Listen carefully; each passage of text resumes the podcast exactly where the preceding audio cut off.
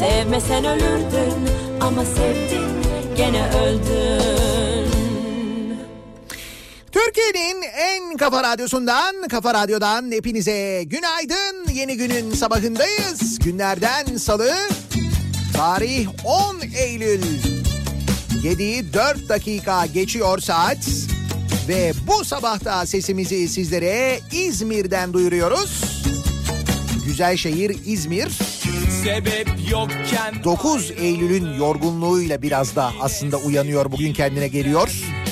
yalan yanlış Dün böyle gecenin geç saatlerine kadar ayaktaydı şehir dersek yanlış olmaz. Kutlamalar çünkü gece de devam etti. Hatta e, İzmir fuarındaki konser hani o bahsettiğim orman konseri var ya İzmir'in ormanlarını yeniden yeşertmek için düzenlenen özel konser ne en son iki buçuk falan da devam ediyordu. Galiba en son Haluk Levent'in sesi geliyordu iki buçuk civarında. İşte böyle güzel bir 9 Eylül sonrasında İzmir'den sesleniyoruz sizlere. Günaydın. eskidendi küflendi Şimdi artık kandırmaz ama sahte sahte öp beni Ne yaparsan yap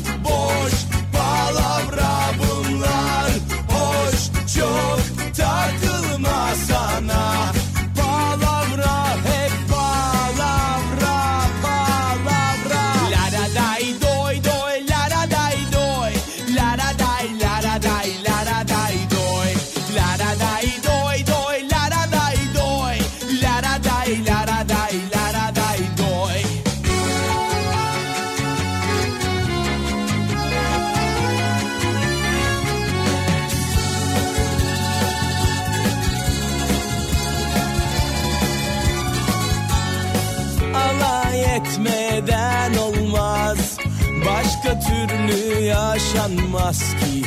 Boş ver gülüp geçmeli. Hayat bin kere başlamaz ki. Ne yaparsan yap boş palavra bunlar. Hoş çok takılma sana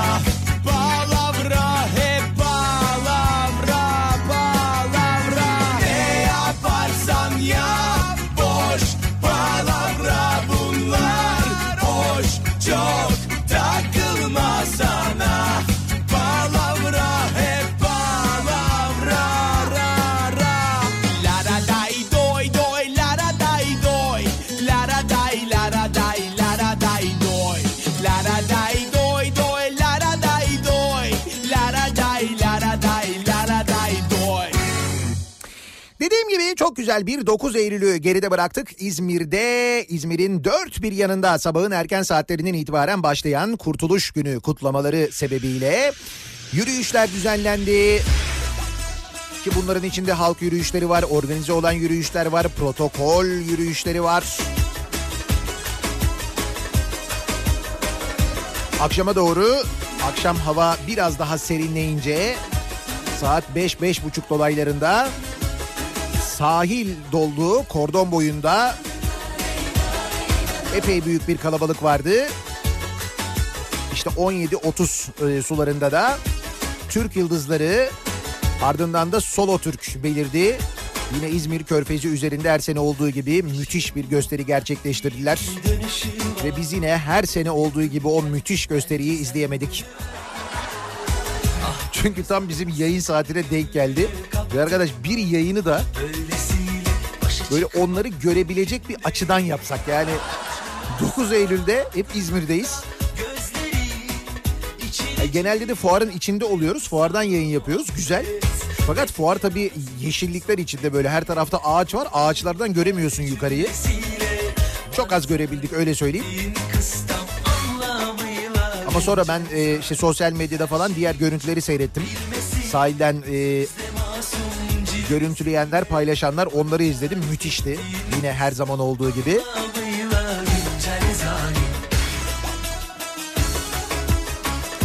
Sonrasında ne oldu? Sonrasında fuara bir akın vardı resmen. Çünkü fuarda dün gece konserler vardı. Bir kere orman konseri 18.30'dan itibaren başladı. Birçok sanatçının katılımıyla dün saymıştım sizlere çok güzel isimler tek kuruş ücret almadan dün akşam o organizasyona katıldılar. Onu söyleyeyim o önemli. Şundan dolayı önemli çünkü dün fuar girişi e, 10 lira idi. Normalde 4,5 lira olan fuar girişi İzmir fuara girişi yani 4,5 lira veriyorsunuz giriyorsunuz. İçeride ne etkinlik varsa onlara katılıyorsunuz. Ekstra bir ücret ödemiyorsunuz yani konserlere, söyleşilere, tiyatro oyunlarına. İşte normalde 4,5 lira olan giriş ücreti dün 10 liraydı. Fakat İzmir e, Büyükşehir Belediyesi ve İSFAŞ aynı zamanda şöyle bir e, karar almış. Demiş ki evet girişler 10 lira. E, buradan elde edilecek, dün elde edilecek gelirin tamamı yanan ormanların yeniden ağaçlandırılması, o bölgelerin yeniden ağaçlandırılması çalışmaları için kullanılacak demişler. Fakat olur ha ben o konseri izlemek istemiyorum ve 10 lira da vermek istemiyorum diyenler için de bir kapı 4,5 lira olarak bırakılmış yine bir kapı. Peki İzmirliler sizce o ucuz olan kapıda mı birikmişlerdi yoksa diğer 10 lira olan kapılarda mı kuyruklar vardı? Cevap veriyorum 10 lira olan kapılarda kuyruk vardı dün. Hani böyle öteki daha ucuz orada bekleyelim diğer taraftan gitmeyelim falan gibi bir durum yoktu anlayacağınız. İzmirliler ormanlarının yeniden yeşermesi için dün gereken hassasiyeti göstermişlerdi. Bizim yayınımız bittiğinde e, saat 8'de daha doğrusu işte yayın bitti dinleyicilerimiz vardı onlarla konuştuk sohbet ettik. İşte 8.30 falan gibi biz böyle ayrılırken e, fuardan çıkarken fuar kapısında bizim bulunduğumuz Montreux kapısının önünde bir kuyruk vardı. Herhalde böyle bir 700-800 metre uzunluğunda bir kuyruk vardı. İnsanlar 8-8.30'da daha giremiyorlardı bile fuara. Öyle bir kalabalık vardı dün akşam. Ve o konser işte böyle Niyazi Koyuncu'nun, Halil Sezai'nin, işte Hayko Cepkin'in, Haluk Levent'in daha birçok grubun ve ismin katıldığı o konser gece iki buçukta hala devam ediyordu. Hatta üçe doğru falan değil mi? Ya ben en son üçte Haluk Levent'in bir sesini duydum. Zaten öyle daldığım için gece rüyamda Haluk Levent'i gördüm ya. Ne diyor ne diyecek bana? Hey ahbap diyor. Aklıma da o geliyor sürekli. Evet beraber şarkı söylüyorduk. Hangi şarkıyı söylüyorduk biliyor musun? Bunu söylüyorduk. Ben de diyorum ki Haluk Levent'e ya diyorum ben de bu şarkıyı kim yeniden söyler diye düşünüyordum. Coverlar diyordum. Senin yapacağın hiç aklıma gelmemişti diyorum. Haluk Levent'e. Rüyada Haluk Levent görmek. Ve müzik sohbeti yapmak bak. kibarım Halbuki bulmuşsun Haluk Levent'i. Bir maç sor, skor sor. Bir tahmin al, bir şey al. Bu akşamki Moldova maçı ile ilgili mesela değil mi? Bu akşam oynuyoruz değil mi biz Moldova'yla? Bir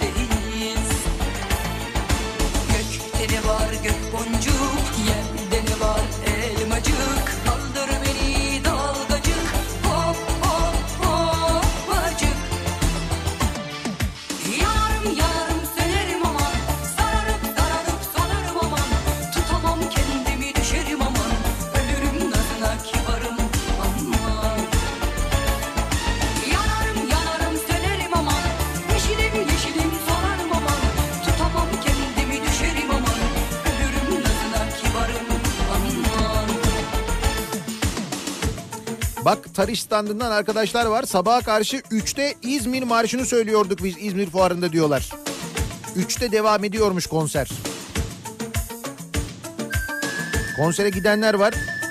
Ee, gazapizm iyiydi de biraz gazap oldu. 2 saat sahnede kaldı. Yanarım sönerim aman E işte o kadar büyük kalabalığı görünce sahnedeki de coşuyor haliyle.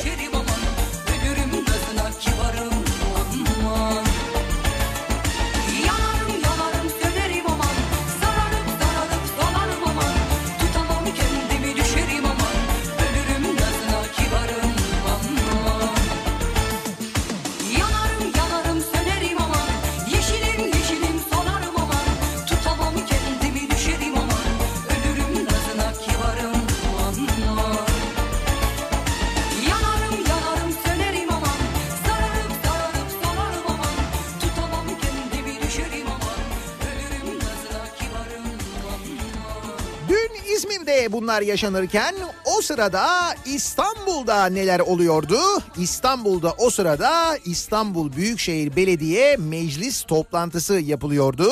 Eylül ayı birinci olağan toplantısıymış. Toplantıya Ekrem İmamoğlu başkanlık ediyordu. Ve yine İstanbul Büyükşehir Belediye Meclis toplantısı sosyal medya üzerinden canlı yayınlanıyordu. Nitekim o kadar çok izlenmiş ki yine ben şöyle söyleyeyim size benim diyen diziler yani bu kadar bu kadar izleniyor mu? İzlenmiyor öyle söyleyeyim. Nitekim e, bu belediye meclis toplantısında da gerçekten çok enteresan olaylar yaşandı. Onların hepsine birazdan e, değineceğiz. Hatta tahminim bol bol amin diyeceğiz. Ben de bu Bir bölüm var çünkü. O bölüm çok acayip bir bölüm gerçekten de.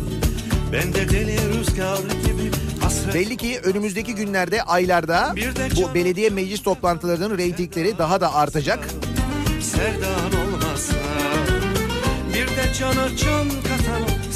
Şu şey duygusu vardır hani e, birisine mesela insan bir şey söyler böyle suçunu yüzüne vurur ya. Şimdi diyelim Murat Seymen'in böyle bir kabahati var. Ben de onu böyle bulmuşum ve Murat'a bunu söylüyorum. Diyorum ki ya sen bunu bunu böyle yaptın diyorum. Nasıl yaparsın diyorum. Şimdi Murat da bunun farkında biliyor. Fakat e, kabahatini yüzüne söylediğim halde bana böyle gülüyor. Düşünsenize. Ya böyle gülüyor böyle bayağı böyle kahkahalarla böyle geniş geniş böyle gülüyor. Ya utanması gerekirken gülüyor. Ve utanan kim oluyor?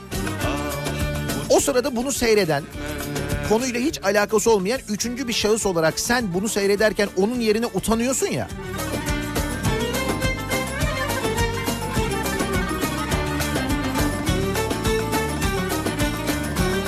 Hatta bak bir dinleyicimiz yazmış. Almanlar diyor buna Fremdschämen derler diyor. Başkası adına utanmak. İşte aynen onu yaşıyoruz. Ve bunu tekrar tekrar tekrar tekrar yaşıyoruz. Daha önce Türkiye Büyük Millet Meclisi'nde yaşıyorduk. Hatırlayınız mesela Türkiye Büyük Millet Meclisi'nde bir önerge veriliyor. Mesela bu vakıflardaki işte o zaman Ensar Vakfı mevzu vardı hatırlayınız. O konuyla alakalı bir araştırma önergesi veriliyor. Bir gen soru veriliyor. O zaman gen soru verilebiliyordu tabii. Eskiden mecliste gen soru diye bir şey vardı eski sistemde, parlamenter sistemde beğenmediğimiz. Şimdi o da yok. İşte aile ve kadından sorumlu bakanla ilgili bu gen soru reddedildikten sonra böyle gülen yüzler, beraber verilen pozlar, tebrik kuyrukları hatırladınız mı o görüntüleri? O böyle oylama sırasında zarfların havadan atılışı bu başka mevzuyla alakalı. Ama işte o görüntüleri izlediğimiz zaman yüzümüzde oluşan o kızarıklık var ya başkası yerine utanmak. Ya işte onu bundan sonra epey bir yaşayacağız. Bu belediye meclis toplantılarında çok göreceğiz onu belli.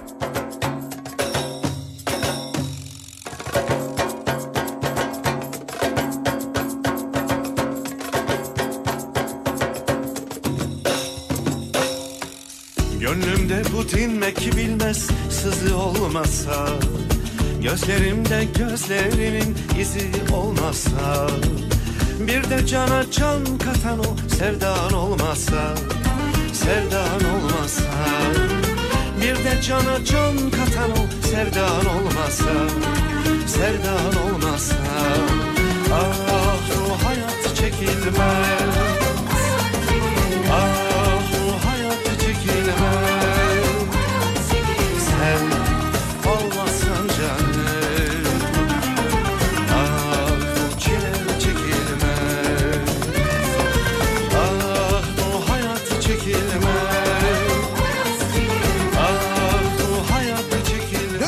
konuşacağız. Bu meclis toplantısında konuşulanlardan yine dediğim gibi başkalarının yerine utanacağız. Ama onlardan önce dönelim bakalım acaba salı sabahına nasıl başlıyoruz? Sabah trafiği ne alemde ne durumda? Şöyle bir göz atalım bakalım. Kafa Radyo Yol Durumu. İstanbul'da ikinci köprüde Anadolu'dan Avrupa'ya geçişte Ataşehir itibariyle başlayan yoğunluk aralıklarla köprü girişine kadar ikinci köprü girişine kadar etkili. Birinci köprü trafiğinde ise Uzunçayır sonrasında başlayan yoğunluk yine köprü girişine kadar etkili oluyor. Avrasya Tüneli girişinde çok ciddi bir sıkıntı yok. Anadolu yakasında Tem'de Kartal'dan geriye doğru trafik şu anda Ataşehir'e kadar ulaşmış vaziyette. Çamlıca gişeler yönünde Kartal yönünde yoğunluk var Tem üzerinde. Ee, Avrupa yakasında Bahçeşehir trafiği çok erken başlamış. Bahçeşehir öncesinde başlayan Altınşehir'e kadar devam eden bir yoğunluk var. Şu anda Altınşehir sonrasında hareketlenen trafiğin ise otogar sapağı sonrasında Gazi Mahallesi civarında yeniden yoğunlaştığını, aralıklarla bu yoğunluğun Seyrantepe çıkışına kadar sürdüğünü görüyoruz. Burada da erken başlıyor trafik. İşte bunlar hep okul etkisi, okulların açılması etkisi. Avcılar girişinde E5'te başlayan yoğunluksa şu anda Florya sapağına kadar devam ediyor. Çünkü Küçükçekmece Florya yönünde bir araç arızası var. O nedenle bölgede normalden fazla bir yoğunluk, bu saatte olması gerekenden fazla bir yoğunluk var. Bu noktayı Florya sapağını geçtikten sonra ise E5 trafiği şimdilik e, akıcı diyebiliriz. En azından Merter sonrasında özellikle Merter Haliç arasındaki yoğunluk giderek artıyor ama sahil yolunda herhangi bir problem yok. İstanbul'dan ya da diğer büyük kentlerden de trafiği etkileyecek bir kaza haberi yok an itibariyle sevgili dinleyiciler. Bir ara verelim reklamlar için İstanbul'a merkez stüdyomuza dönelim. Reklamlardan sonra İzmir'den canlı yayında yeniden birlikteyiz.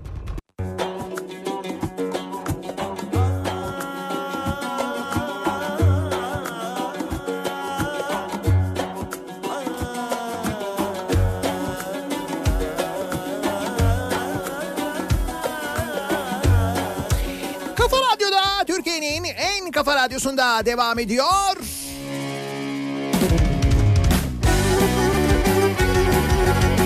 Daiki'nin sunduğu Nihat'la muhabbet. Ben Nihat Sırdar'la. Salı gününün sabahındayız. İzmir'den canlı yayındayız. Başımızda bir duman ne çakayı Gel sevduğum sulara verelim bu takayı Verelim Dün akşam Niyazi Koyuncu da vardı. sulara Orman konserinde coşturdu yine. Alelune bir fener mum yana yana söner Bu senin sevdaların ne yana olsa döner Alelune bir fener mum yana yana söner Bu senin sevdaların ne Şimdi hani şu telefonla arayanlar kendilerini savcı ve polis olarak tanıtanlar bu şekilde dolandırmaya çalışanlar var ya. Heh. İşte İstanbul'da kendisini arayan savcıya beni mi dolandıracaksın deyip telefonu yüzüne kapatan genç hakkında savcıya hakaretten dava açıldı. Bu sefer hakikaten savcı aramış. E iyi de kardeşim şimdi ben nereden bileyim arayanın savcı olduğunu? Ben savcıyım. Nereden bileyim yani? O kadar dolandırıcılık var. Anadolu Adliyesi'nde görevli Cumhuriyet Savcısı soruşturma dosyasındaki taraflardan birinin ifadesini almak istemiş.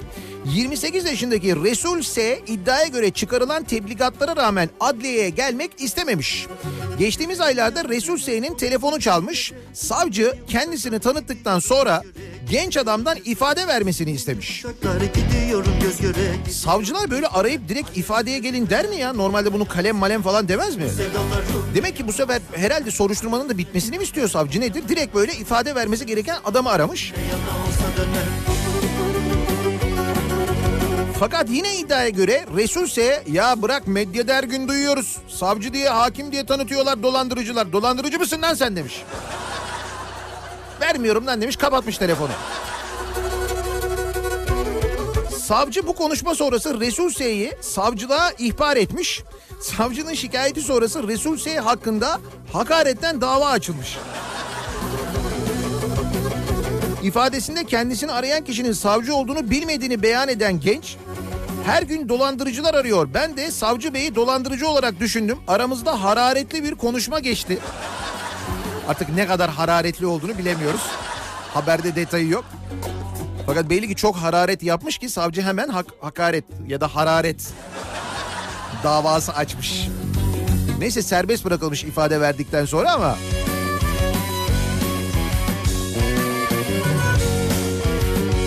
Ay şimdi böyle savcıyım ben arıyorum falan diyene de bu sefer biz bir şüpheyle bakacağız lan acaba ha? Söner Bu ne yana olsa döner Alelune bir fener mum yana yana söner Bu senin ne yana olsa döner Alelune bir fener mum yana yana söner Bu senin ne yana olsa döner Kuyumcu dükkanında ekmek de satıyorlar. Bu Kuyumcu dükkanında ekmek satıyorlar. O kadar mı kötü ya kuyum muyum işleri? Ordu'da yıllar önce alınan fırın ruhsatı hakkı kaybolmasın diye kuyumcu dükkanında altın bileziklerin yanında ekmek satışı yapılıyor. Yazık ruhsat yanmasın ya yarın öbür gün lazım olur. Ordu'nun Korgan ilçesinde bir kuyumcu dükkanının vitrininde altın ve ziynet eşyalarıyla birlikte ekmek satılması görenleri hayrete düşürüyor. Bazı vatandaşlar döviz bozdurmak için girdikleri kuyumcudan ekmek de alıp öyle ayrılıyor. Çeyrek altın ne kadar ya? Nereden aldın Efendim e, çeyrek altın 452 lira. Aa, iki ekmek alayım ben o zaman. İyi en azından alternatif ver bak.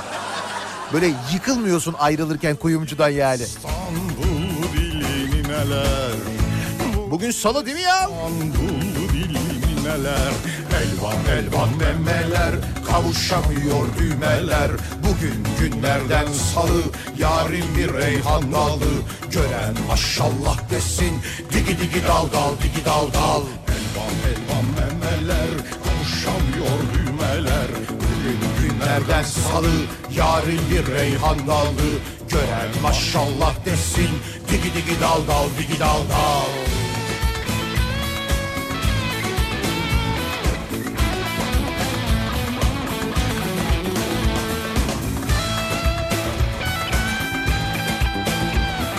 Geçenlerde söylemiştim İsmail Saymaz'ın kitabı Şevhetiye tarikatını okuyunuz diye.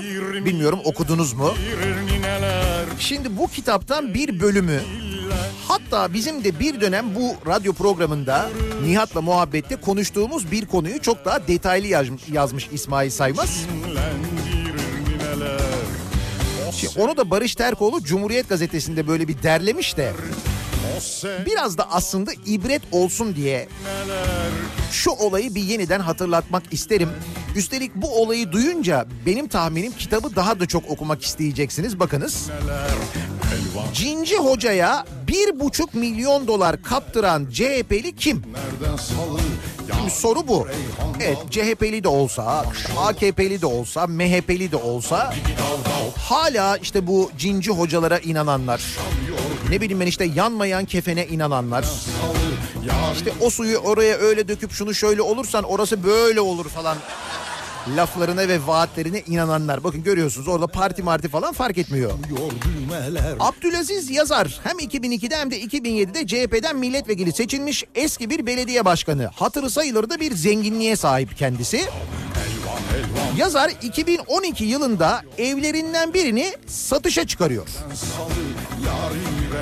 Karşısına da Nevzat Hoca denilen Nevzat Açıkgöz'ün adamları çıkıyor.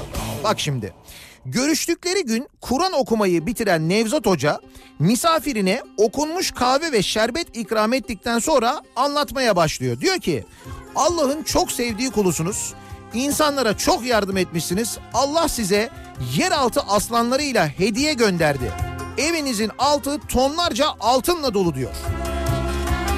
Evini satacak eski belediye başkanına. Sohbet bitiyor. Herkes bu sırrı tutmak için Kur'an'a el basıyor. Üçer kez Fatiha okuyor. Altını hoca ve adamlarıyla paylaşacak olan yazar hemen satılık ilanını indiriyor. Şimdi haberi hoca veriyor ya. Diyor ki hoca ve adamları o zaman diyorlar biz bu altını çıkaralım ama bu altınların etrafında cinler olabilir. Bunu koruyan. Dolayısıyla biz bunu paylaşalım. Yani çıkanı da paylaşalım. Bununla ilgili bir masraf yaparsak da paylaşalım. Ortak olalım diyorlar yani. Adam da diyor ki tonlarca altın diyor. Tamam diyor o zaman diyor. Evin satılık ilanını indiriyor.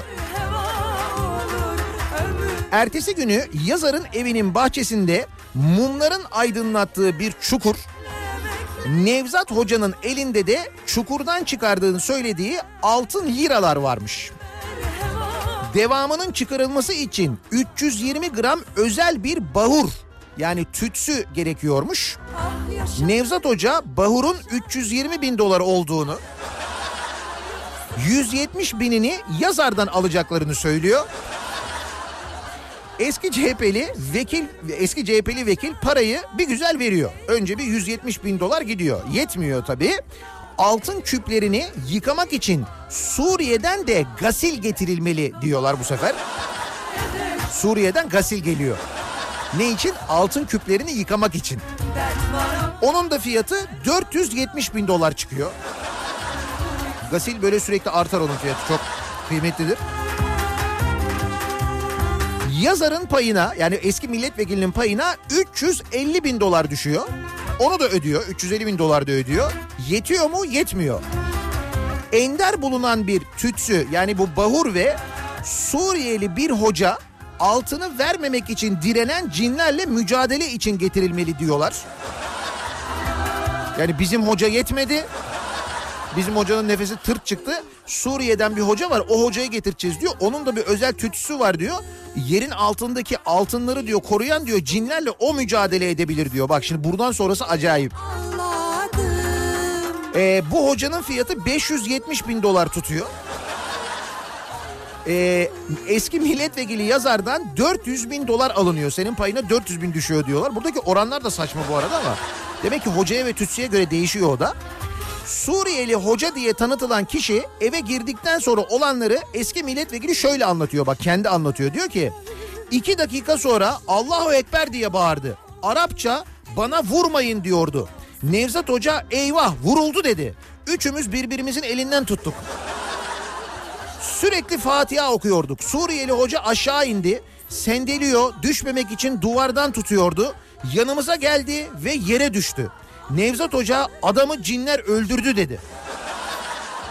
Ölmüş adam orada. Suriyeli hoca diye tanıttıkları adam da ölmüş. Bir de para isteyen ailesi ortaya çıkmıştı. Sen bizim babamızı cinlere öldürttün. Evindeki altınları cinlerden kurtarmak için satın alınması gereken bahur bahanesiyle eski milletvekili yazardan bir kez 500 bin dolar bir kez de 100 bin dolar alındı. Ne oldu? 3 ayda 1 milyon 520 bin dolar mı oldu? 3 ayda 1 milyon 520 20 bin dolar ödemiş bak. CHP'li yazarın aklı başına açık gözü lüks bir ciple görünce geldi. Bu arada Nevzat Hoca cip almış. O da herhalde böyle özel bir jip olsa gerek. Cinlerle mücadele edecek falan. Bilmiyorum artık nasıl bir jiptir o. Mahkeme süreçlerinde ise her şeyin bir mizansen olduğu neyse ki anlaşıldı. Suriyeli hoca diye tanıttıkları sözde ölmüş adam Arapça bilen işsiz bir vatandaştı. Nevzat Hoca ve adamlarına 20'şer yıl 5'er ay hapis ve 245 bin lira para cezası veren mahkeme kararında şunlar yazıyordu.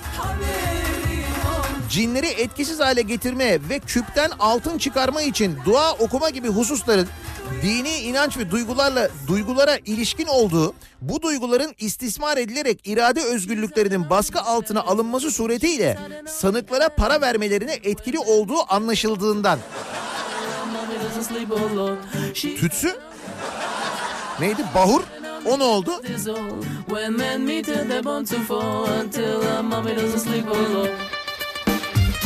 Şehvetiye Tarikatı kitabında sonu mahkemede biten hikayelerden sadece biri bu.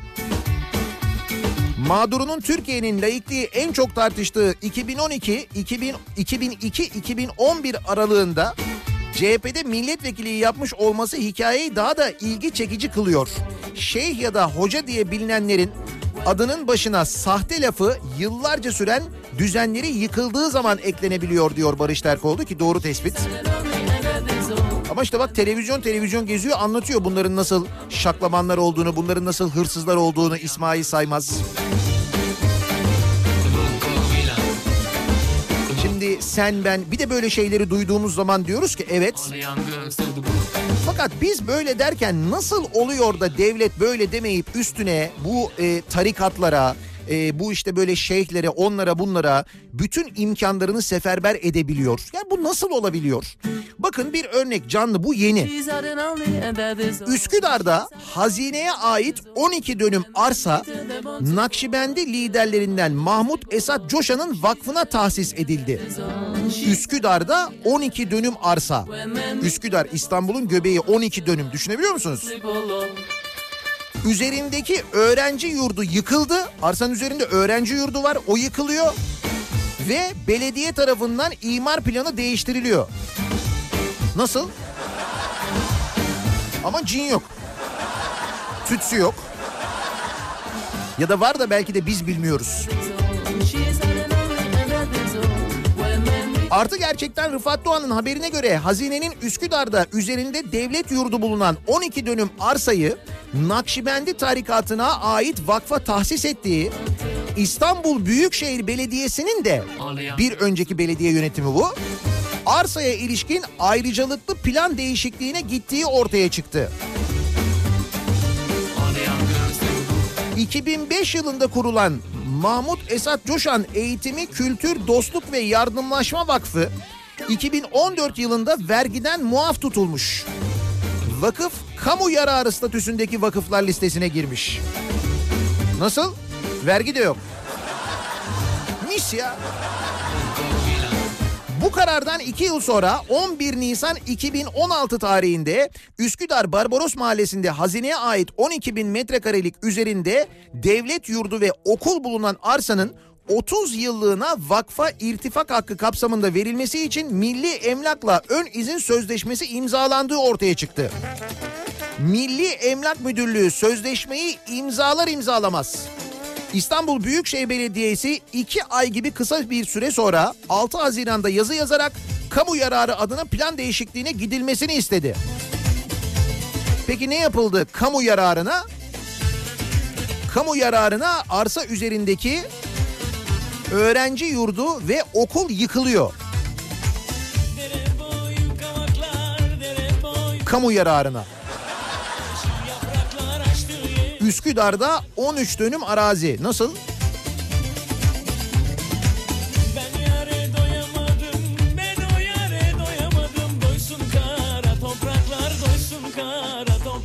Gördüğünüz gibi biz o tarihlerde kim bilir neler konuşuyorduk, kim bilir hangi dertlerle uğraşıyorduk. O sırada Canikos'u hiç boş durmamış. Ama kamu yararına. Bak önemli. Ve vergiden muaf. Mis.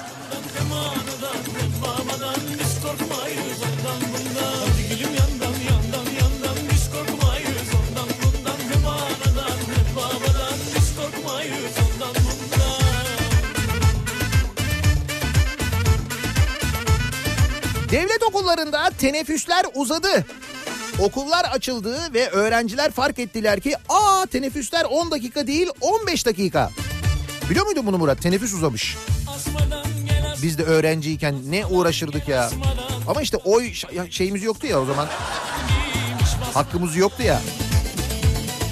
Devlet okullarında ders araları 15 dakikaya çıktı. Bakanlıkta bu sürenin 40 dakikaya kadar uzaması için yapılan çalışma hakkında görüşünü aldığımız öğretmenler uygulamanın öğrencilerin derse kontras, konsantrasyonunu arttırmak amacını taşıdığını söylenirken gerçek amacın başka olduğuna vurgu yapıyorlar.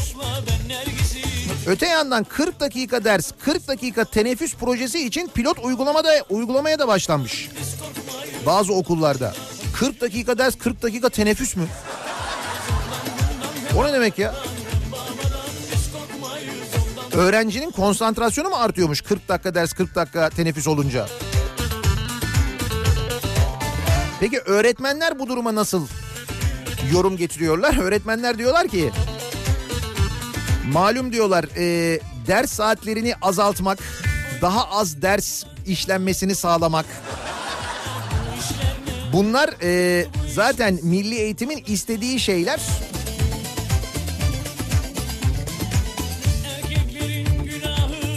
Ders aralarını uzatmak beton binalara tıkıştırılmış öğrencileri dinlendirecek bir ortam sunmuyor. Tersine uzayan aralar kaos yaratacak. Daha doğrusu çoğu yerde zaten var olan kaosu büyütecek. Bu tablonun öğrenciyi daha mutlu kılacağını hiç sanmıyorum demiş örneğin bir öğretmen. Eğitim sistemine uzak olanlar öğretmenler için bir rahatlama sağlanacağını düşünebilir. Tam tersi geçerli. Öğretmenlerin üzerindeki yük artar. Üstelik bu yük bir eğitimci için mesleğinin parçası olan bir yük değil. Öğretmenler ders aralarında da çalışmaya devam eder, nöbet tutar, öğrencilerin sağlığıyla ilgili sorumlulukları sürer. O kaosla baş etme görevine de öğre- öğretmenler sahip olur. Ders çıkış saatinin ileri atılmasının da ne anlama geleceği açık olmalı. Antalya'da bu 40 dakika ders 40 dakika teneffüs projesi için 14 ilk ve ortaokulda pilot uygulama başlamış bu arada. 40 dakika ders 40 dakika teneffüs.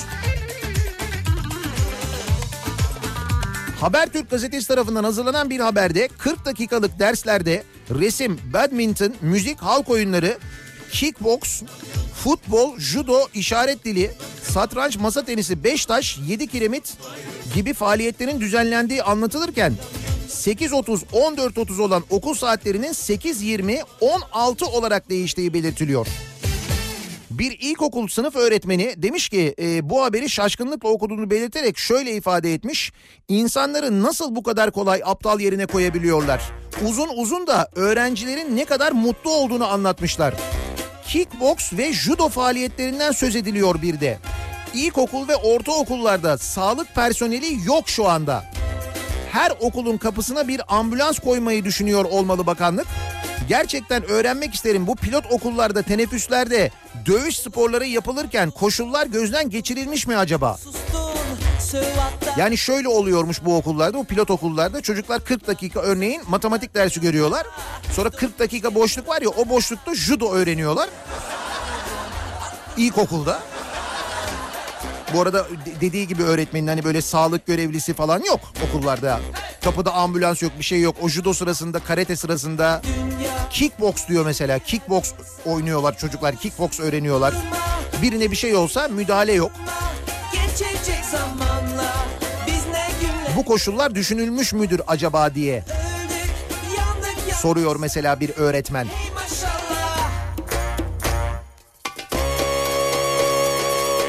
Sen içini tut ferah iyi günler kapıda. Aç şimdi kollarını ödüllü o yılların. Unut eski Geliyoruz dünkü İstanbul Büyükşehir Belediye Meclis toplantısına. Malum reytingi en yüksek. Bence birçok diziden falan daha eğlenceli ve gerçek. İşte dün İstanbul Belediye Meclis toplantısı yine canlı yayınlanıyor ve toplantıda söz alan AKP'li Yavuz Selim Tuncer diyor ki İsraf haramdır. İsraf yapanın Allah belasını versin diyor. Bu sözler üzerine e, CHP ve İyi Parti grubunun olduğu yerden amin diye bir toplu ses çıkıyor böyle. boş ver boş Şimdi bunu duyunca yani israf yapanın Allah belasını versin deyince AKP'li.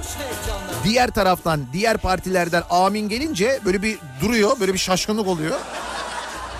Ne diyor peki kendisi? Yeni kapıya israf var diye araçları götürenlerin de Allah belasını versin diyor. Yani aslında umduğu gibi olmayınca ya böyle oluyor biliyor musun?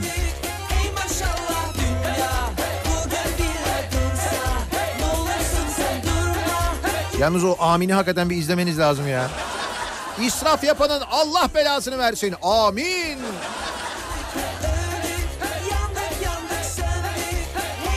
Hatta bir yerden bugün görüntüsünü bulursanız o meclis toplantısını şöyle bir baştan sona izleyiniz. Ee, baştan sona yapılan konuşmaları bir dinleyiniz.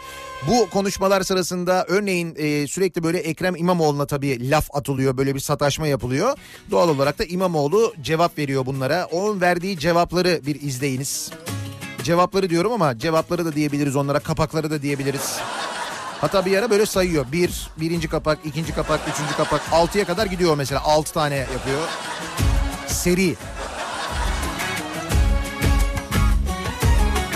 S400. Altı tane atıyor. Olmaz olmaz İstanbul Belediye Meclisi'nde bunlar yaşanırken İstanbul'da Beyoğlu'nda üstelik Beyoğlu Taksim İstanbul'un en fazla polisin bulunduğu bölgesi. ki Olur da birileri böyle bir araya gelir Taksim'de aman ha yürüyüş yaparlarsa, nümayiş olursa böyle slogan atarlarsa falan diye sürekli böyle polislerin, çevik kuvvetleri falan hazırda tutulduğu bölge. Ama asayiş olaylarının bir türlü bitmediği, hırsızlıkların, yaralamaların, bıçakların, kavgaların eksik olmadığı da bir bölge. Nitekim 23 yaşındaki genci öldürdüler. Daha geçtiğimiz gün para istediler. Halit Ayar'ı bıçakla öldürdü iki zanlı ve bu iki zanlının hapse girdikleri cezaevinden izinli çıktıkları ortaya çıktı. Emrah Yaşar isimli o bıçaklayan şahsın da 19 kez yakalanıp hapse girdiği ve cezaevinden ikinci kez izinli çıktığı öğrenildi biliyor musunuz bunu? Bakın hak, hukuk, adalet. Türkiye'de adalet çalışmıyor, Türkiye'de adalet yok denildiği zaman hadi oradan siyaset yapma falan deniyor ya bu konunun siyasetle ne ilgisi var? Bu Taksim'deki tüneldeki siz de olabilirdiniz. Sizin bir yakınınız da olabilirdi. Sizin kardeşiniz olabilirdi. Sizin oğlunuz çocuğunuz olabilirdi. O yüzden her gece bu aşkın diline düşmüşüm Motosiklet hırsızlığı, iş yerinden hırsızlık, uyuşturucu kullanmak, kasten yaralama, yine iş yerinden hırsızlık. Bu suçlardan 19 kez yakalanmış bu Emrah Yaşar denilen tip. Diğer saldırgan Erhan Kurdal'ın da gasp ve uyuşturucu kullanma suçlarından sabıkası var. Ve bunlar cezaevinden izinli bırakılıyorlar. Kırklar elinden İstanbul'a geliyorlar. İstanbul'da öldürüyorlar bu çocuğu. Bu haberler yani adaletin olmadığını Türkiye'de adalet sisteminin işlemediğini, çalışmadığını bize her seferinde gösteren ve ispat eden bu haberler ne yapıyor biliyor musunuz? Hepimizi mutsuz ve tedirgin yapıyor. Nitekim yapılan araştırmalar da Türk insanının ne kadar mutsuz olduğunu gösteriyor. Dünya Mutluluk Raporu'na göre 2019 yılı Dünya Mutluluk Raporu'na göre Türkiye 156 ülke arasında 79. sıraya gerilemiş. Türkiye'de erkeklerin %51'i, kadınların %43'ü mutsuz. Genç nüfusta bu oran %45. Türkiye geleninde fiziksel şiddet gören ancak kimseye bahsetmeyen kadın oranı Yüzde 49. Bir daha söylüyorum. Türkiye'de Türkiye genelinde fiziksel şiddet gören ancak kimseye bahsetmeyen kadın oranı yüzde 49 orana bakar mısınız? Şimdi bu bir araştırma. Bir başka araştırma var. Bu da yeni bir araştırma. İsmi Türkiye'nin DNA'sı araştırması. Türk halkı için mutluluğun en büyük kaynağının sağlıklı olmak olduğu ortaya çıkıyor bu araştırma ile. Çünkü diğer koşulların hiçbirinde artık mutlu olamadığımız için adaletle ilgili mutlu olamıyoruz. Ekonomiyle ilgili mutlu olamıyoruz, siyasetle ilgili mutlu olamıyoruz, kültür sanatla ilgili olamıyoruz. Ne kalıyor geriye? Bari bir sağlıklı olalım. En çok o çıkıyor. Speed Media adlı pazarlama danışmanlık şirket tarafından yapılan Türkiye'nin DNA'sı 2019 başlıklı bir araştırma yayımlanmış. Raporda Türkiye'de birbirinden farklılaşan 7 temel toplumsal küme olduğu belirtilirken ki bakın bu 7 toplumsal küme neymiş? Bakalım siz hangisi hangi kümedesiniz? %23.7 oranında memnun muhafazakarlar e, kümesi varmış. %16.2 oranında özgürlükçü modernler. %14.2 oranında kaygılı modernler. %13 oranında yılgın demokratlar. Bu da epey yüksek. %11.5 oran 11.5 oranında koyu muhafazakarlar. %11.1 oranında kayıtsız şikayetçiler. %10.3 oranında da mazbut kanaatkarlar. Böyle toplumsal kümelere ayrılmış bu Türkiye'nin DNA'sı raporunda Türk halkı. Nüfusa göre oranları da böyle işte. Bütün bu e, gruplarla ilgili tespitler de var. Genelde hangi bölgelerde yaşıyorlar, yaş aralıkları ne? Mesela yılgın demokratlar Türkiye geneliyle kıyasla Marmara ve Ege bölgelerinde yaşama, orta yaş ve üzerinde ve daha eğitimli olma bu grupta öne çıkmaktadır. Geçim zorluğu nedeniyle hayatından memnun olmayan ve gelecekten beklentisi düşük ülkenin ve ailesinin geleceğiyle ilgili kaygıları olan gruptur. Yılgın demokratları böyle tarif ediyor mesela.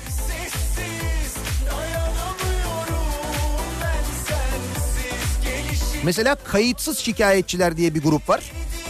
Eğitim düzeyi Türkiye ortalamasının altında olan 26-35 yaş aralığında farklılaşan düşük orta sosyoekonomik statünün görece daha baskın olduğu bir grup. Türkiye geneline kıyasla sosyal yaşantısı çok fazla olmayan, ailesinden çok arkadaşlarına zaman ayırmayı tercih eden, erkekleri mahalle kahvesinde vakit geçirmeyi seven bu bireylerin teknoloji merakları yüksekmiş. Kayıtsız şikayetçiler. Sana biraz benziyor bu aslında Murat biliyor musun? Sanki böyle hani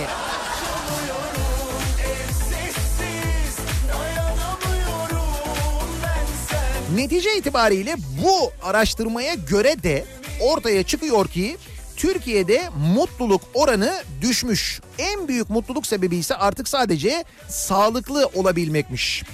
Mutlu olduğunu beyan eden bireylerin oranı 2017 yılında %58 iken 2018'de bu oran %53'e düşmüş. Mutsuz olduğunu beyan eden bireylerin oranı ise %11'den %12'ye yükselmiş. Mutluluk oranı kadınlarda erkeklere kıyasla daha yüksek oranda çıkıyor. Yaş gruplarına göre mutluluk düzeyi incelendiğinde ise 65 ve üzeri yaş grubu %61 ile en yüksek mutluluk oranının görüldüğü yaş grubu. En düşük mutluluk oranı ise 48 ile %48 ile 45-54 yaş grubunda görülüyor. İşte 54 yaşına kadar mutsuz oluyorlar. 54 yaşına aman artık bu saatten sonra ne mutsuz olacağım ya. Takma ya diyorlar. Ondan sonra artık yani demek ki öyle oluyor. Sağlıklı olmak en büyük mutluluk nedeni.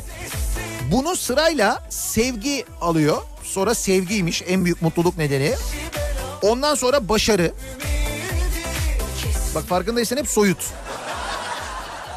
Sonra e, bunlardan sonra para ve iş takip ediyor. Onlar en düşük ihtimal. Yani en düşük oran mutlu olma nedeni olarak.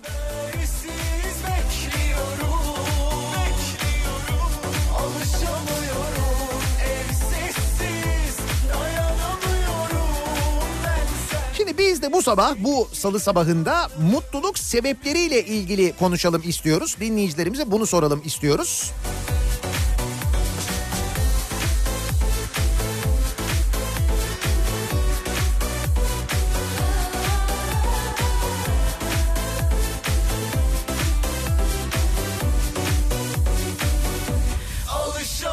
Mutluluk sebebim konu başlığımız. Türk insanının mutluluk oranı düşüyor araştırmalara göre. Birçok araştırmaya göre durum böyle ki TÜİK araştırmasına göre bile böyle. Bak TÜİK'e göre bile yani. En büyük mutluluk nedenleri sırasıyla sağlık, sevgi, başarı, para ve iş.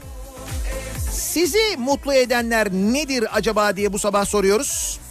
Mutluluk sebebim bu sabahın konusunun başlığı. Sosyal medya üzerinden yazabilirsiniz. Twitter'da böyle bir konu başlığımız, bir tabelamız, bir hashtagimiz an itibariyle mevcut. Mutluluk sebebim konumuz. Arzu ederseniz Twitter üzerinden yazabilirsiniz. Facebook sayfamız Nihat Sırdar fanlar ve canlar sayfası nihatetnihatsırdar.com elektronik posta adresimiz. Bir de WhatsApp hattımız var. 0532 172 52 32 0532 172 kafa. Buradan da yazabilirsiniz. Mutluluk sebeplerinizi gönderebilirsiniz bize. Reklamlardan sonra yeniden buradayız.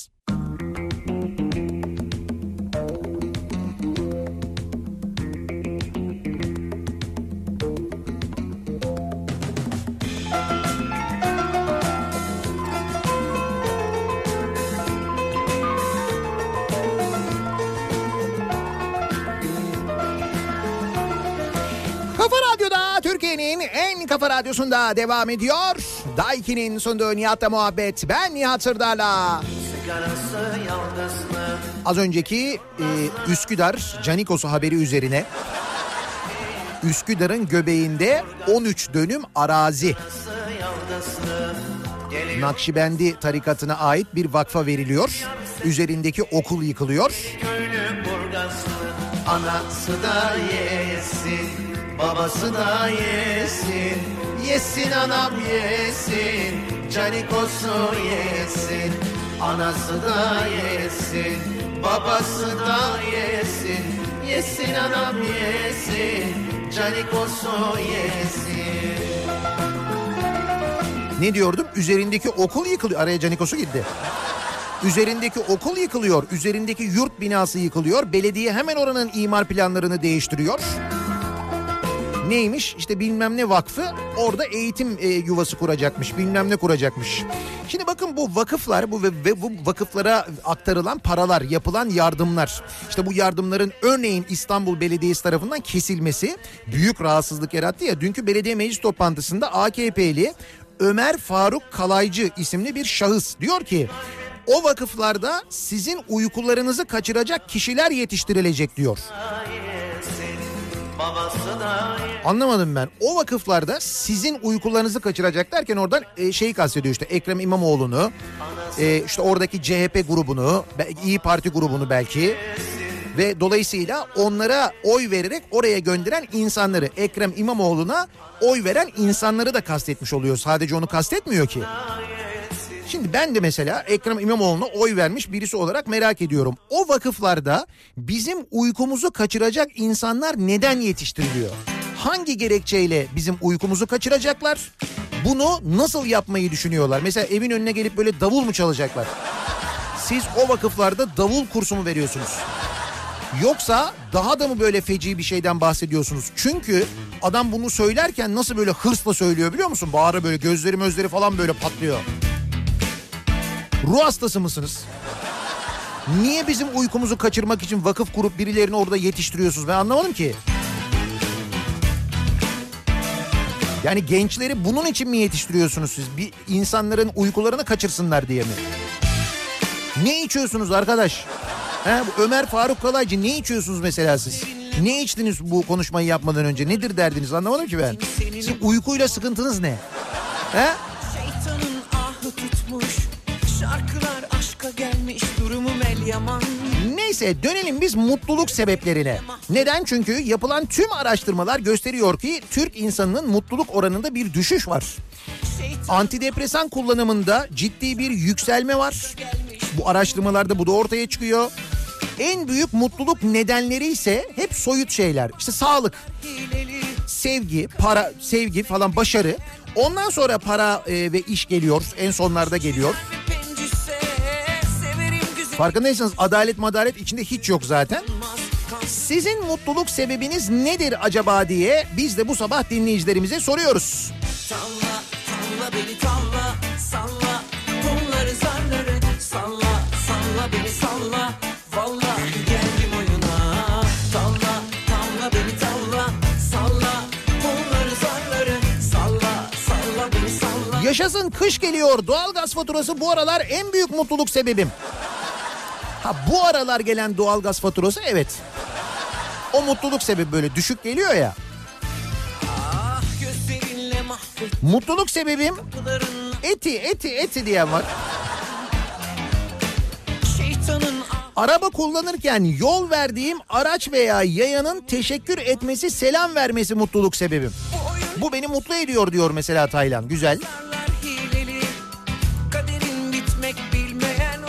Sabah sabah Beyran mutluluk sebebim. Şöyle bir düşüneyim dedim de mutluluk sebebim benim hiç yokmuş. Ben bayağı mutsuz biriymişim diye bunun farkına şu anda varan var. Mutluluk sebebim boş metrobüs. Salla beni salla Vallahi çok kıymetli bir şey o. Hele bu saatte salla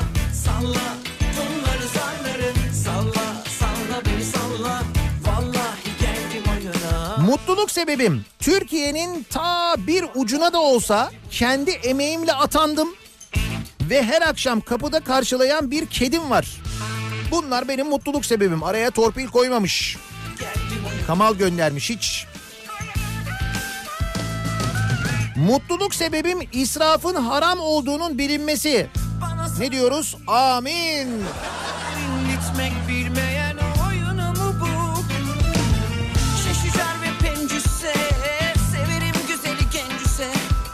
Gönül ıslanmaz kandım işte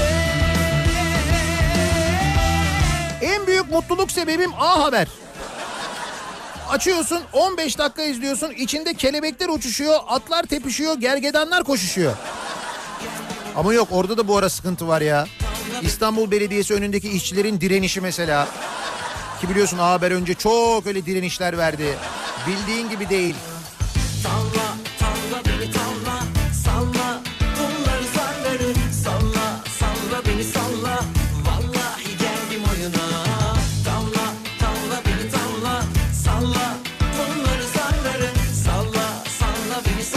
Ara sıra kalabalıktan uzaklaşıp balık tutmak mutluluk sebebim. Diyen var mesela. Ee, bakalım mutluluk sebebim akşamları ee, demiş bir dinleyicimiz. Oo pahalı bir mutluluk sebebi sizinki. Hem de iki kadeh. Akşamları iki kadeh vergi diyor yani. Yanlış anlaşılmasın vergi. gider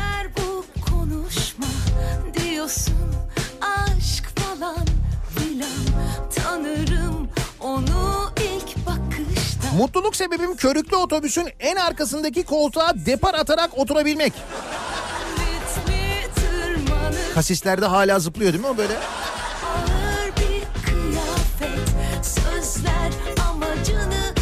Mutluluk sebebim Behzat Ç'yi izleyebilmek.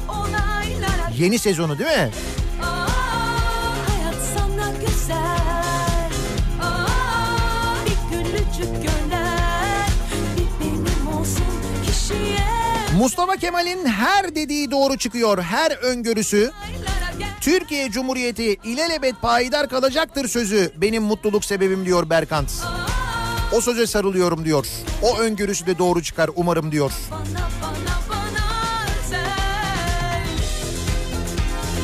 Benim mutluluk sebebim bu kadar çok vergi verebilme yeteneğini ben fark etmeden edinebilmem.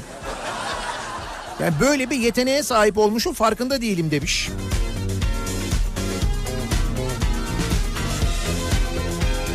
Mutluluk mu kaldı? 20 yılda bütün umutlarımızı, huzurumuzu çaldılar. Ne mutluluğu. İşte onu diyorum araştırmalarda çok mutsuz çıkıyoruz. Mutluluk sebebi sağlık çıkıyor işte. Sağlığım yerinde çok şükür. Diğerleri yani başka bir şey yok zaten işte. Onun için soruyorum. Sizin mutluluk sebebiniz ne acaba diye. sayacağız Belki biz de oradan bir sebepleniriz hani. Aa doğru bende de var o falan diye. Mutlu oluruz belki değil mi?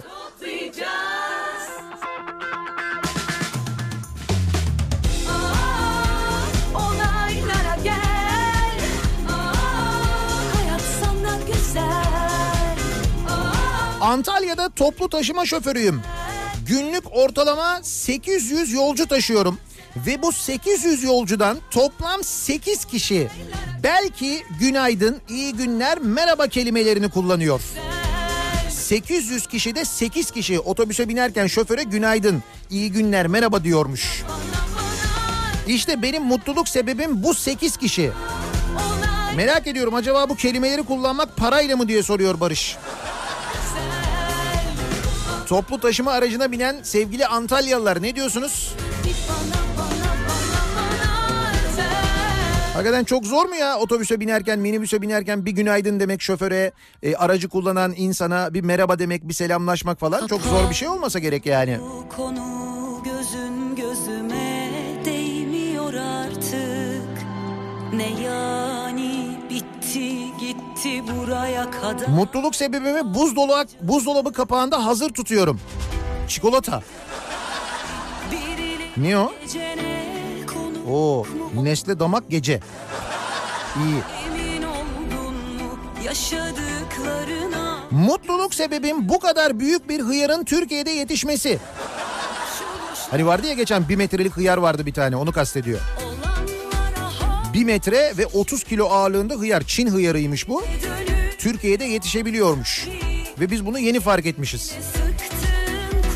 Bence yeni fark edenler utansın. Ne hıyarlar gördüm ben Türkiye'de yetişen. Bir metreden de uzun ayrıca. Çıkıp televizyona konuşan. Bırak geçtim böyle bir metre olmasını 30 kilo olmasını. Sen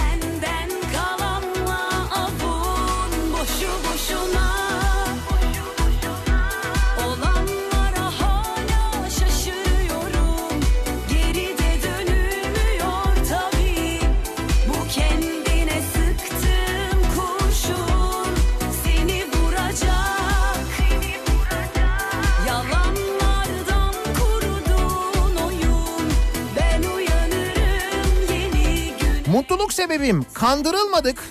Geçmişimizden utanmadık ve tweet silme telaşına girmedik demiş mesela bir dinleyicimiz. Ben bundan dolayı mutluyum diyor.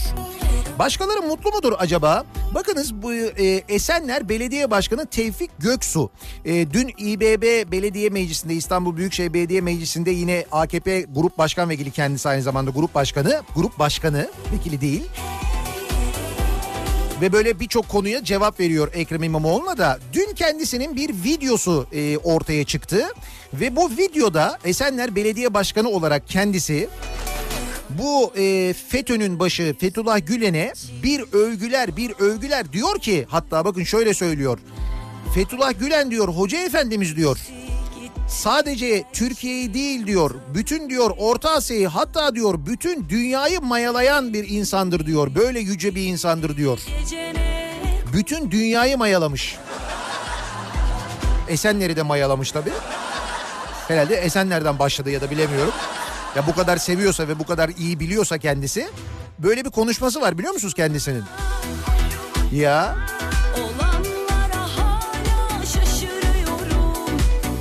maya mühim. Çok önemli.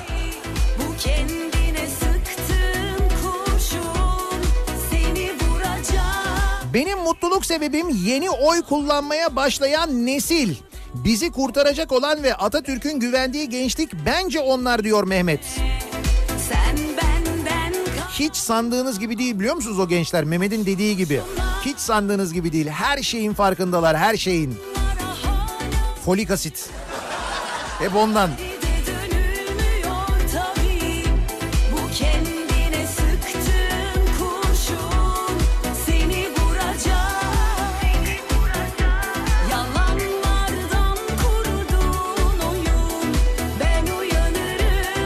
Mutluluk sebebim düşünsenize param olsa kaptırmak korkusundan uyuyamayacaktım. Param yok derdim yok. Parasız olduğum için mutluyum.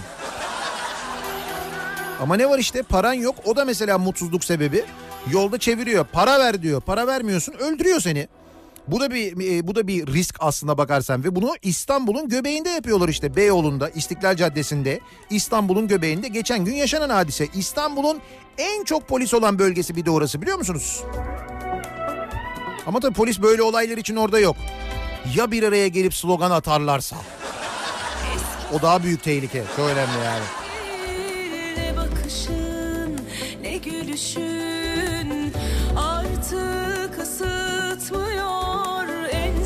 Bakanın mutluluk sebebim dediği şey Rusya'da uçak mı incelemiş? Ha böyle bir haber var evet. Orman Bakanı, Tarım ve Orman Bakanı e, Pakdemirli hatırladınız mı? sondu bu gidişin Binlerce hektar orman yanarken Türk Hava Kurumu uçaklarını uçurtmayan Orman Bakanı Pakdemirli ki bu net bir şekilde ortaya çıktı. O uçakların uçabildiğini, yangın söndürebildiğini, uçakların hazır olduğunu, istenirse ücretsiz bile kullanılabileceğini öğrendik. Onları öğrendik, net bir şekilde öğrendik. İşte bu uçakları kullanmayan Pak Pakdemirli bakanlığa yangın söndürme uçağı almak için Rusya'ya gitmiş. Bakanlık eee Türk Hava Kurumu'nun kamu kurumu olmadığını ve oradan uçak kullanmak zorunda olmadıklarını belirtmiş. Tabii Türk Hava Kurumu kim ki? Türk Hava Kurumu. Gideriz Rusya'dan alırız.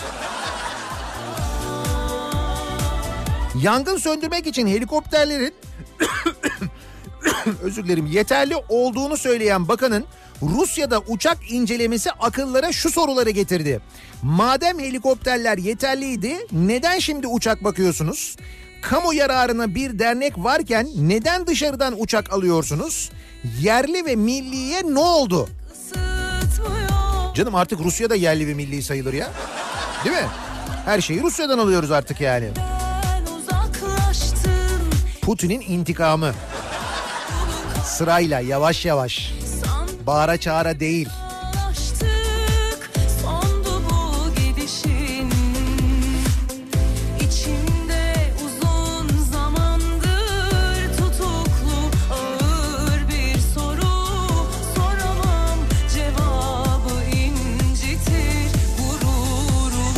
Mutluluk sebebim tabii ki lahmacun. Güzel pişmiş yalnız kıtır gördüm fotoğrafı. Hoş. Mutluluk sebebim gece uyurken kedimin yanımda gurgur yaparak uyuması diyor Simge göndermiş. Evet Simge Sağın göndermiş. Bir yandan şarkıyı söylerken bir yandan yazıyor. Düşün. Böyle yetenekli bir insan. Uyanıyorsun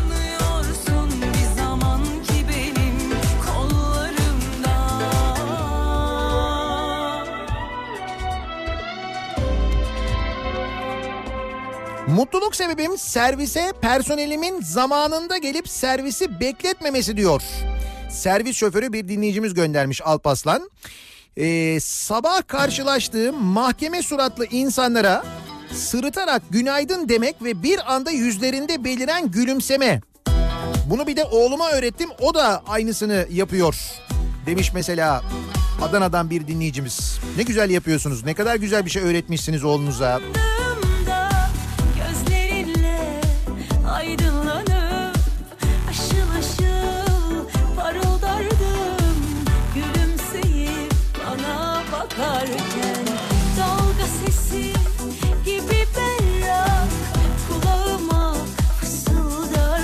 Mutluluk sebebim filenin sultanları ve madalyasını Türk kadınlarına hediye eden Eda Erdem. Ülkedeki kadınların yüzde 49'u şiddet görüp susmak zorundayken Türk kadınının neler yapabileceğini gösterdiler herkese. Eda Erdem milli voleybolcumuz, madalyamız Ulu Önder Mustafa Kemal Atatürk'ün ey kahraman Türk kadını sen yerde sürünmeye değil omuzlar üzerine göklere yükselmeye layıksın dediği Türk kadınlarına armağan olsun demiş. İkincilik madalyasını Türk kadınlarına armağan etmiş. Bu arada Demet Akalın'a bu kadın voleybol milli takımımızın teknik direktörünün Türkiye'de kadın voleybolu için kız çocuklarının voleybol oynaması için neler yaptığını aktardınız mı, anlattınız mı? Haberi oldu mu kendisinin? Özür diledi mi? Yok değil mi? Hayır en azından bilirse belki mutlu olur. Onun için söylüyorum. Aşıl aşıl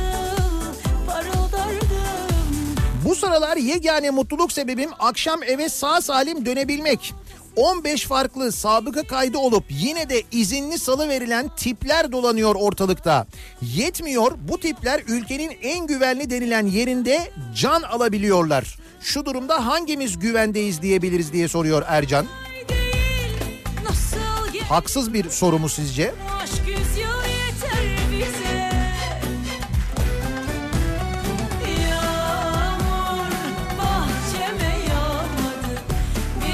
Mutluluk sebebi yakıtını şirketimin ödediği Clio.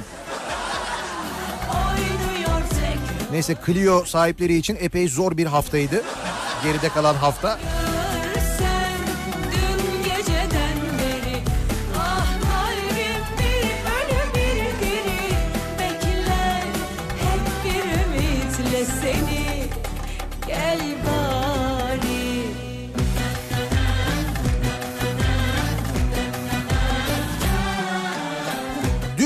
Ne var ne yok mayaladım. Koltuklar, camlar, yerler, dolaplar. Oh içim nasıl rahat. Varsa sizin ra- e, radyoda mayalanacak bir şeyler ben diyor ajandamı kontrol edeyim diyor. Vallahi öyle demiş Esenler Belediye Başkanı Tevfik Göksu. Demiş ki zamanında Fethullah Gülen demiş bütün dünyayı mayalayan böyle yüce bir insan demiş yani. Böyle ulu. Düşün ne kadar bir maya üretimi de varsa orada.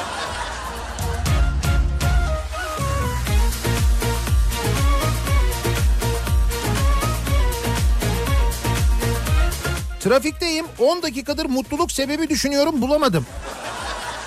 Sonra dedim ki emekli olduğunu düşün kızım. Küçük bir yere taşınırsın doğa falan. İyi, en azından hayal kurarak mutlu olabiliyorsunuz o da bir şey. Bugün 25 kişiyi kaybettiğimiz Çorlu tren faciasının ikinci duruşması gerçekleşiyor Çorlu'da. Keşke adalet gelse mutluluk sebebim bu olurdu diyor Gonca. Gelir mi sizce adalet? Çorlu'da yakınlarını kaybedenlerin Ankara'da Anayasa Mahkemesi önünde gördüğü muameleyi hatırlıyorsunuz değil mi? Nasıl tartaklandıklarını, nasıl biber gazı yediklerini hatırlıyorsunuz değil mi?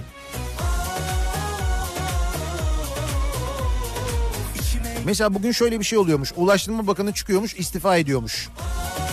Bu olayla ilgili bir açıklama yapıyormuş, özür diliyormuş falan.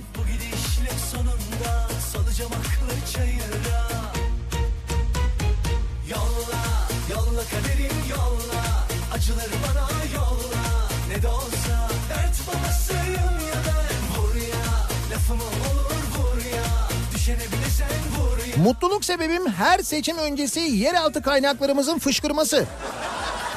Gerçi seçim sonrası yine içine kaçıyor ama... Evet ya öyle bir şey oluyor. Sonra seçim dönemlerinde böyle bir yeryüzüne doğru yükseliyorlar. Sonra diye bir tekrar içeri kaçıyorlar. Öyle bir şey oluyor.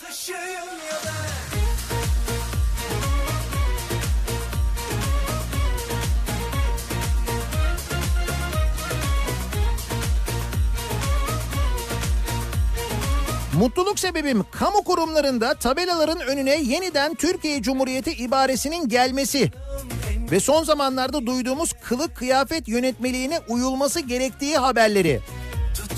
Bir kılık kıyafette bir düzelme olmaya başladı sanki değil mi? Ankara'da oluyor ba- bariz bir şekilde o görülüyor, anlaşılıyor.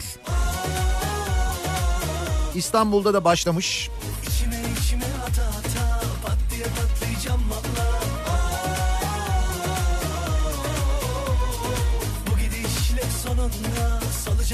Mutluluk sebebim bugün Murat Seymen'in doğum günü olduğunu öğrenmem. Muratçım bugün doğum günü mü ya? Bak şimdi mutluluk sebebim oldun benim biliyor musun? Ne diyorsun ya? Bugün senin doğum günün ve biz İzmir'deyiz. O zaman bugün doğum gününü çeşitli etkinliklerle kutlayalım. Ne yapalım? Ne istersin? Sen ne istiyorsan onu yapacağız bugün artık mecbur. Kokoreç. Ne olur tamam olur yani.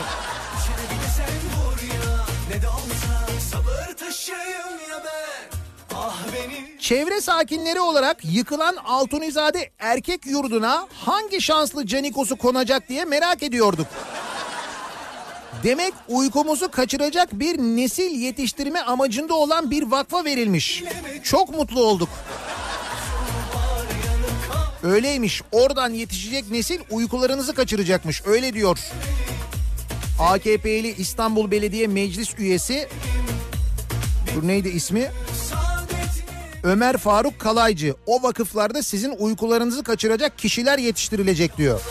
Yolla kaderim yolla. Acıları bana yolla. Ne de olsa dert babasıyım ya ben. Vur ya. Lafımı olur vur ya. Düşünebilirsen vur ya. Ne de olsa sabır taşıyım ya ben. Yolla yolla kaderim Mutluluk sebebim zamanında getirilen fotokopi ve temizlik paraları.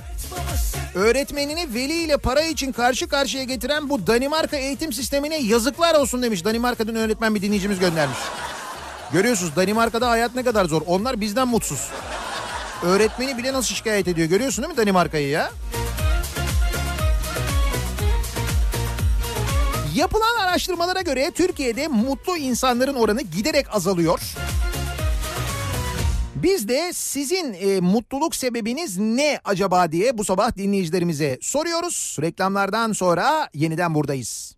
Meyhaneci sarhoşum bu gece Aşığım aşık çal bu gece Tak etti canıma yalnız her gece İçiyoruz yine bu gece Meyhaneci sarhoşum bu gece Aşığım aşık çal bu gece Tak etti canıma yalnız her gece İçiyoruz yine bu gece Meyhaneci sarhoşum bu gece Aşığım Kafa Radyo'da Türkiye'nin en kafa radyosunda devam ediyor. Daiki'nin sunduğu Nihat'la muhabbet. Ben Nihat Sırdar'la. içiyorum Her gece Salı gününün sabahındayız. İzmir'den canlı yayındayız.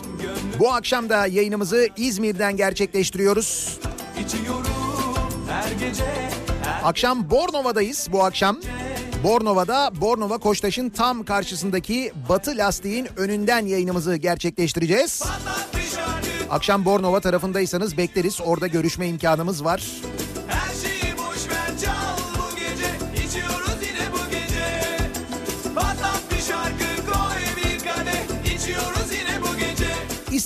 Dinleyenlere de bir duyurumuz var. İstanbullularla da cumartesi akşamı buluşuyoruz. Cumartesi gecesi daha doğrusu. Cumartesi gecesi 90'lar kafası yapıyoruz. 90'ların müzikleriyle eğleniyoruz. Neredeyiz? Anadolu yakasında İstanbul'da Kartal Jolly Joker'deyiz. İsmarin'deki Jolly Joker'de cumartesi gecesi 90'lar kafasına bekleriz. Biletler Bilet X'te satılıyor. Mekan girişinden de geldiğinizde temin edebilirsiniz. Bir zamanlar dinlerken mutlu olduğumuz şarkılarla mutluluk sebeplerimizle birlikte eğlenelim diye sizi de bekleriz. Haftaya da Ankara'ya geliyoruz bu arada. 20 Eylül Cuma akşamı da Ankara Jolly Joker'deyiz. Ankara'da 90'lar kafası yapıyoruz. Ankaralılarla da haftaya Cuma günü buluşuyoruz. İçiyoruz yine bu gece Meyhaneci durma söyle bu gece Aşkı nasıl adı çile mi sence Ne çilesi babam sanki işkence İçiyoruz yine bu gece İçiyorum her gece Ümit Besen'in Sigarası Yaldızlı şarkısını bugün keşfetmiş olmam bugünkü mutluluk sebebim. Öyle mi siz? İlk defa mı dinlediniz? İçiyorum Ne büyük kazanç ya. Vallahi mutluluk sebebi hiç bugüne kadar dinlemediysen, duymadıysan bugün duyman güzel bir şey bence. Hayat güzel sevince Patlat bir şarkı koy bir kadeh İçiyoruz Benim mutluluk sebebim pizza. Neden? Çünkü herkesi mutlu edemezsin çünkü pizza değilsin. Özlü söz. Çok mühim. bir kadeh İçiyoruz yine bu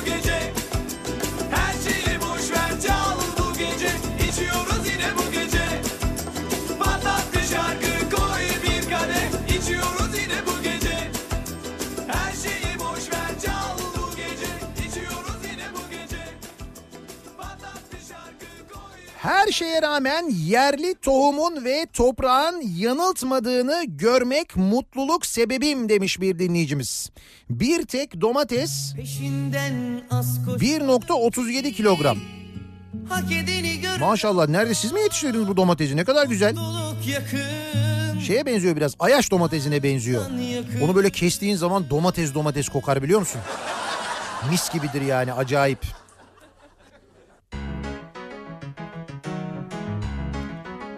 Mutluluk sebebim böyle mutluluk araştırmalarının yapılması. Böylece ne kadar mutlu olduğumu öğrenebiliyorum. Bu aralar mutluluk sebebim Ekrem İmamoğlu'nun füzeleri. Böyle bir espri var ya füze atmış yine. Füze atsaydın falan.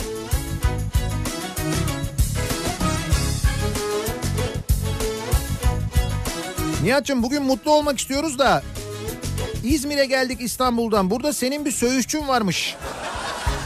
Benim? Ha, benim yediğim. Hüseyin Usta. Kıbrıs şehitlerinde Hüseyin Usta, Söğüşçü Hüseyin Usta diye sorun gösterirler. Kıbrıs şehitlerinde de var. Zannediyorum bir tane de Basmane tarafında vardı ama şimdi onun yerini tam tarif edemeyeceğim. En iyisi Kıbrıs şehitleri. Başka da tabii güzel söğüşçüler var da.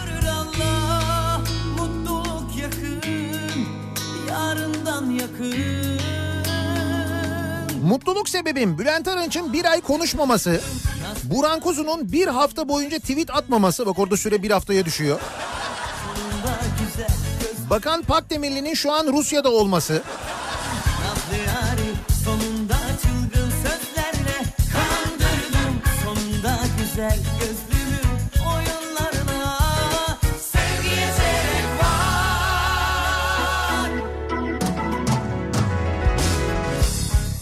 Benim mutluluk sebebim bütün dünyayı olmasa da evde bir kova maltı mayalamak.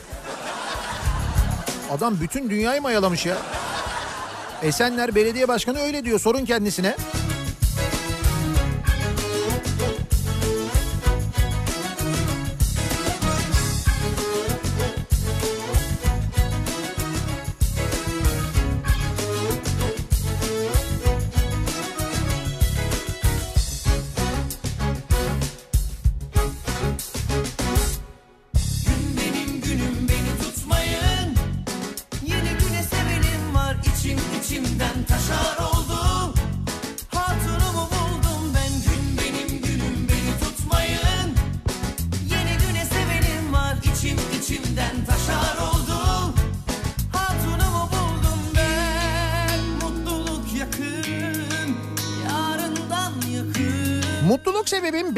Belediyenin çeşitli kurumlarında 10-15'e yakın akrabam olması.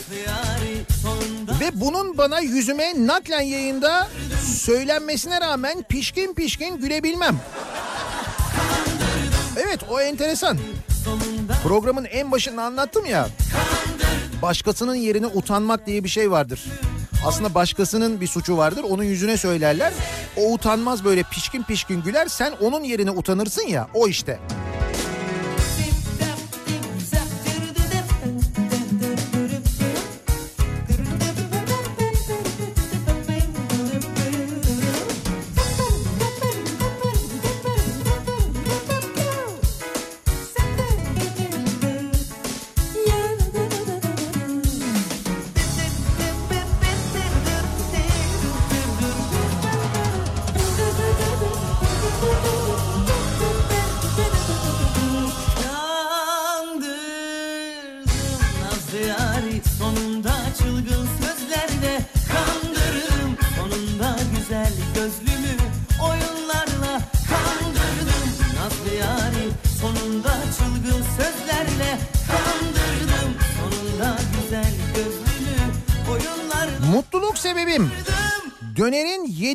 satılması. Döner ekmek 7 lira. Nerede o ya? Okulda. İçindeki ne eti? 7 liraya.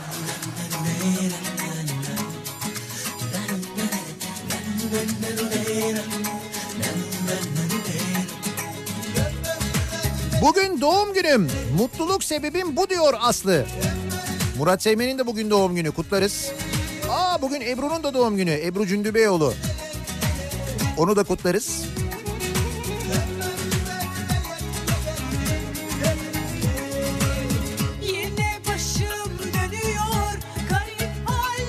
Mutlu olmak için için Kandilli'den Göztepe'ye taşındım. Çocuğumu mahalle okuluna kaydını yaptırayım dedim. Bin lira bağış. Dün öğretmeniyle konuşayım dedim. Çocuğumu anlatayım diye. Özel ders almalı dedi. Kim verecek dedim. Ben dedi sınıf öğretmeni. Daha ikinci sınıf bu arada. Danimarka'da hayat zor. Danimarka'da da Göztepe var mıymış ya? Keyfimiz yerinde Dünya dursa bile Kimin umrunda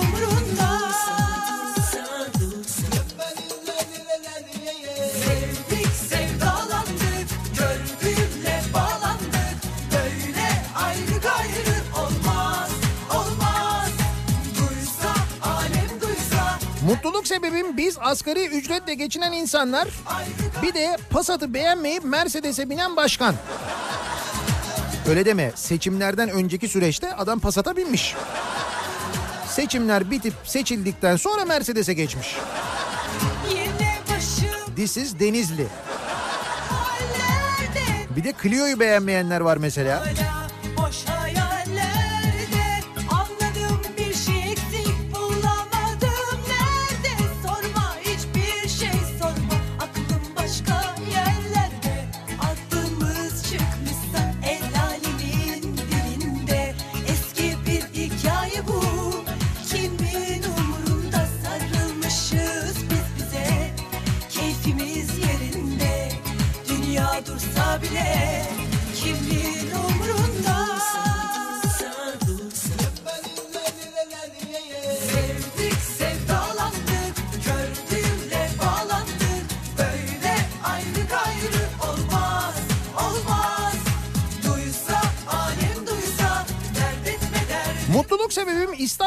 okulların açılması. Bu ikinci günde harika ötesi bir trafik. Çok mutluyum. Daha durun bu bir şey değil. Bugün salı. Çarşamba, perşembe yani yarın öbür gün asıl İstanbul yoğunluğu, trafik yoğunluğu o zaman başlar.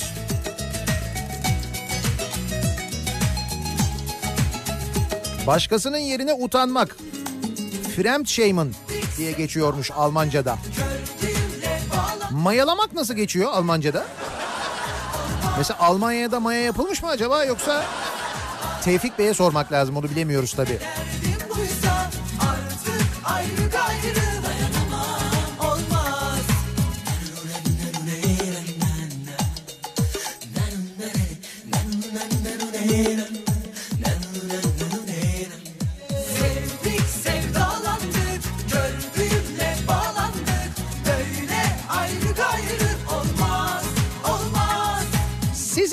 Mutluluk sebebiniz nedir acaba diye soruyoruz. Türkiye'de yapılan araştırmalara göre mutluluk seviyesi oranı gittikçe düşüyor.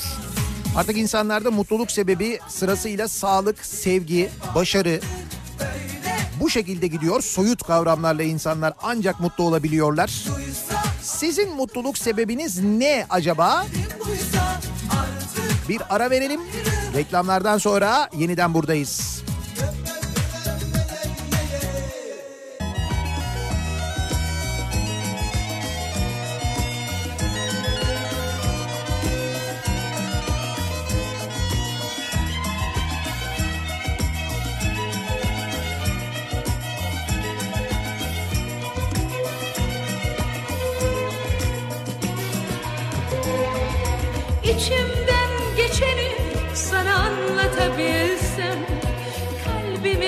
Sesini bir dinletebilsem.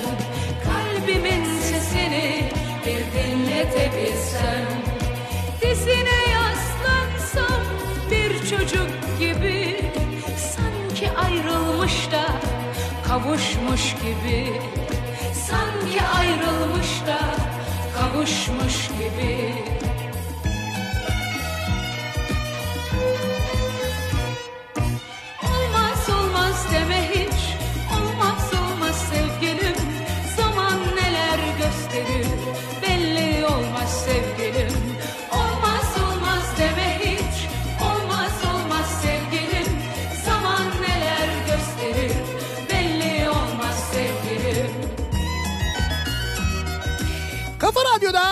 Türkiye'nin en kafa radyosunda devam ediyor. Daiki'nin sunduğu Nihat'la muhabbet. Ben Nihat Sırdar'la. Salı gününün sabahındayız. Tarih 10 Eylül.